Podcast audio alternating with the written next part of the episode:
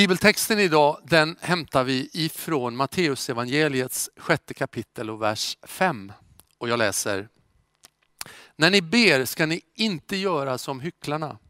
De älskar att stå och be i gathörnen och i synagogorna för att människorna ska se dem.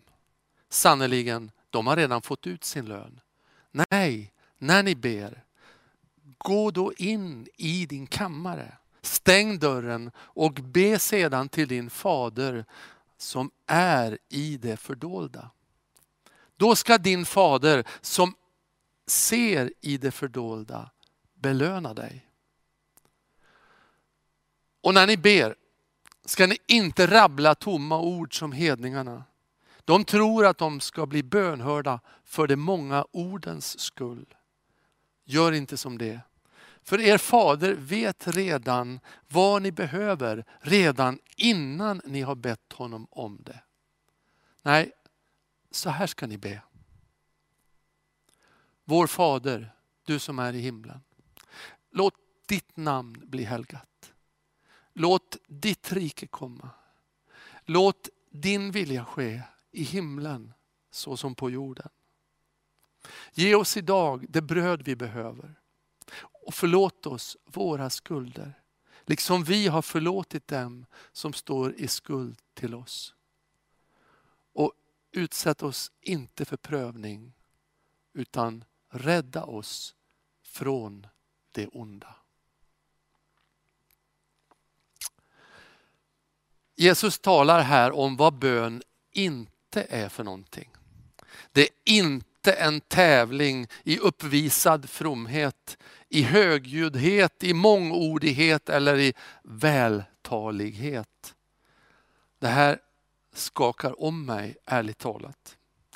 När jag tänker på hur jag i min uppgift och i min roll bett så många böner i mikrofoner, på talarstolar, i stora samlingar och gudstjänster, framför kameror, framför ganska många ibland mängder av åhörare. Då tänker jag, när jag läser den här texten, kanske är det så att jag också har varit som hycklaren som står där i gathörnen. Är det jag som är den rabblande hedningen med de många tomma böneorden ibland? När jag tänker på alla de som säger att nej, jag kan inte be, jag vågar inte be, så undrar jag om jag genom mina välsvarvade offentliga böner ibland har skapat komplex för den som bara skulle vilja behöva våga öppna sitt hjärta och be en hjärtats bön. Vi lever ju i en tid som brukar kännetecknas utav orden, det som inte syns finns inte. Här säger Jesus egentligen precis tvärtom. Det är det som inte syns som många gånger är det som är verkligt riktigt och viktigt. Men vänta nu säger du, pratar inte Jesus väldigt mycket om att vi ska gå ut, ut i offentligheten, ut på gator och gränder och torg och, och, och gå ut i hela världen och predika och förkunna. Jo, du har helt rätt. Det finns en stark utåtgående och utåtriktad rörelse i hela evangelierna, i hela Bibeln. Men det finns också och innan dess en stark inåtgående rörelse. Författaren Magnus Malm har skrivit en, klass, en bok som blivit klassisk på bara några årtionden som heter Vägvisare. I den boken djupborrar han i begreppet kallelse som vi ofta kopplar ihop med att man går ut i världen som missionär eller förkunnare i, det offent, i offentlig tjänst. Men han konstaterar att kallelse egentligen har en annan riktning. Den som kallar, kallar till sig. Kom hit, kom in. Det börjar med en inåtgående rörelse och sedan så sänds vi ut i världen. Är det ensamheten som Jesus hyllar här? Vi behöver ju ensamhet, så ibland eh, kan det vara bra. Särskilt den som vi har möjlighet att välja själva. Är det eremitlivet som han hyllar i sig? Nej, det är inte, vill jag ändå säga här, en fråga om att Jesus kallar oss till ensamhet. Det handlar om att söka gemenskapen med Gud. Gud är i det fördolda, sa han i texten jag läste. Det är inte tomt i det fördolda. Det ekar inte av tomhet i den här bönekammaren. Gud är där. Vi ska helt enkelt gå i en annan riktning. En riktning emot Gud själv. Vad säger det här om var vi kan finna honom då? Gå in i din kammare, i det fördolda.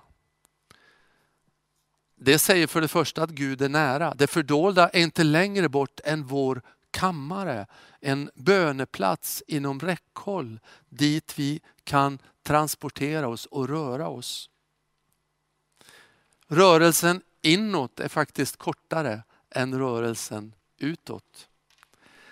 Det säger vidare att Gud har med det vardagliga, med varje dags liv och rutiner att göra när han talar om vår kammare, vårt hem. Och för det tredje så säger det att Gud är i det personliga, din kammare. Jag tror att vi alla har inre rum. Rum där mitt verkliga jag kan få möta en verklig Gud. Så fort vi går ut, vet ni, då stylar vi upp oss. Då tar vi ju på oss någon form av mask. Vi gör någon typ av makeup för att visa upp oss. Kanske också för att skydda oss lite, skydda vårt sköra inre jag. Kan hända är det så att i en ganska eh, utsatt miljö som offentligheten är, behöver det skyddet. Men när vi går in i vår kammare, då behöver vi inte sätta på oss någon mask eller makea upp oss för Gud. Det behövs inget skydd, ingen förställning, för Gud vet redan vilka vi är. Han ser oss redan, han vet vad vi är och vad vi behöver. Det här inre rummet, den här kammaren kan också vara vårt hjärta, vår personlighetscentrum. Det fysiska hjärtat har ju kammare som bekant, så där går det också igen. Bönen måste nå hjärtenivån. Det tror jag bilden säger. Inte bara intellekt, inte bara vilja, inte bara yta, inte bara känsla. Hjärtan är bilden utav ett koncentrat av personlighetens centrum. Där vi hänger oss med hela jag. Med all vår vilja, all vår känsla, all vårt förstånd. Öppna ditt hjärta för Gud. Gå in i din kammare.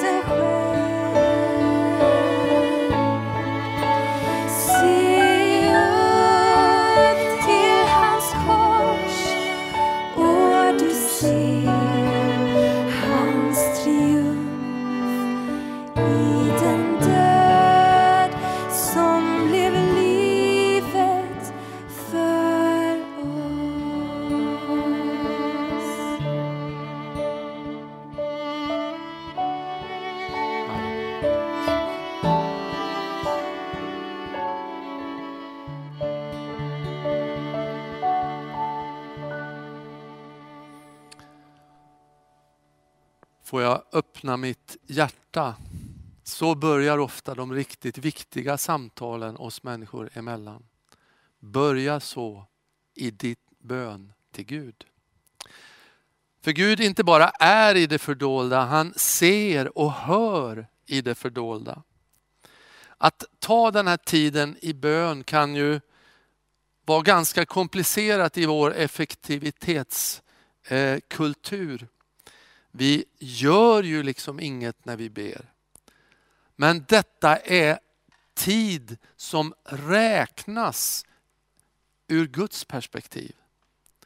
Eh, I det fördolda så, så startar processer som ibland kommer att förbli osedda eh, på den här sidan evigheten. Men ibland som startar någonting som också så småningom kommer att ta form med en kraft och en effektivitet som vida överstiger det vi kan åstadkomma genom att maximera vår potential eller effektivisera våra verksamheter. Hörrni, idag, den här söndagen kallas för bönsöndagen i kyrkan. Den ligger mellan påsk och pingst när det börjar luta mot pingst. Medan kyrkan ännu i sin allra, allra första tid var osynlig för världen och samlades i hemlighet. Det var en väntans tid, men Bibeln säger också att det mer och mer blev en bönens tid. Mellan Kristi himmelsfärd och pingst så har kyrkan genom sin historia utnämnt det till en bönens tid, även om det tappats bort ibland. En tid i det fördolda som snart skulle komma att få ett enormt genomslag i det offentliga på pingstdagen, den dag då kyrkan föddes, då församlingen trädde fram i ljuset. Kyrkan möttes då fördolt i ett lite större rum, ett hem där det fanns plats för bortåt 120 människor i tio dagar. Eh, och snart skulle de här träda fram och skaka världen. Eh, och människor skulle bli förvandlade. Så bön är tid som räknas med i himlen. Det är inte en tävling i uthållighet, men ibland kan uthållig bön vara en stor välsignelse. Men en kort stund i bön kan också vara livsförvandlande. Här måste jag få presentera en tanke, en idé som har vuxit fram just i vår tid, i den här tiden mellan påsk och pingst här i Göteborg. Vi möttes ett antal präster och pastorer om liksom allvaret i vårt gemensamma ansvar som kyrka i den tid, kristid som vi befinner oss just nu. Då föddes tanken att just på pingstdagen, på kyrkans födelsedag, när vi firar den helige andes utgjutande över alla människor, över hela världen. Då skulle vi gå ut tillsammans eh, som kristenhet i Göteborg med en gemensam webbsänd gudstjänst med ett budskap till oss alla här i Göteborg. Eh, och nu blir det så. Eh, och eh, vår egen, Smyrnakyrkans egen Thomas Sjödin, som ju också är känd i hela vår stad genom sina kröniker i Göteborgs-Posten. Han kommer att predika och temat kommer att vara en enad kyrka för en helad stad. Eh, och så kommer många ifrån alla olika kyrkor och kyrkofamiljer att medverka i musik och bibelläsning och bön. Och vi manifesterar en enhet som jag tror kan få stor betydelse framöver i vår stad. Ni som är med i Smyrnas gemenskap här, ni vet att vi också står i mycket viktiga processer i vår församling. Eh, jag vill utlysa av båda de här skälen en tid för bön nu fram till pingst. Och den kommer inte vara organiserad på något sätt utan jag tar bara den utmaningen till dig som lyssnar nu. För några handlar det om att ta några extra minuter i bön varje dag. För andra handlar det om att kanske ta några timmar. För en tredje kan det vara dagar. Men tänk om vi kunde förbereda våra liv med en inåtgående rörelse emot Guds hjärta, emot det riktigt väsentliga för att sedan vi på pingstdagen 2020 ska kunna tala till vår stad tillsammans. Vi ska naturligtvis be för allt det som händer för övrigt i den situation vi befinner oss. Det gör vi ju i varje gudstjänst. Vad bekräftelse beträffar så är vi alltså inte osynliggjorda, obekräftade ifrån Guds sida när vi ber. Hjärtats bön blir som en incheckning, en registrering i Guds värld. Eh, berättelsen om Daniel i gamla testamentet visar att redan när han började sin bön så var han inne i den himmelska världen och sätter himlen i rörelse.